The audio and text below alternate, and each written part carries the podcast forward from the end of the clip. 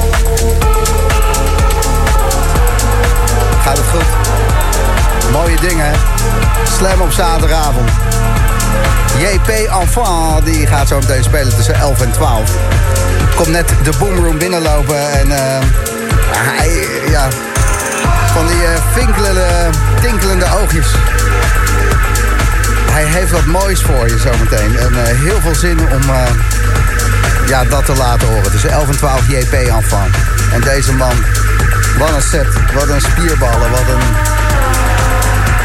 duidelijk verhaal hoe het moet zijn. Jaap Lichthart. Je hoort hem tot 11 uur. Bij Slam. Dit is de Boomroom. zaterdagavond.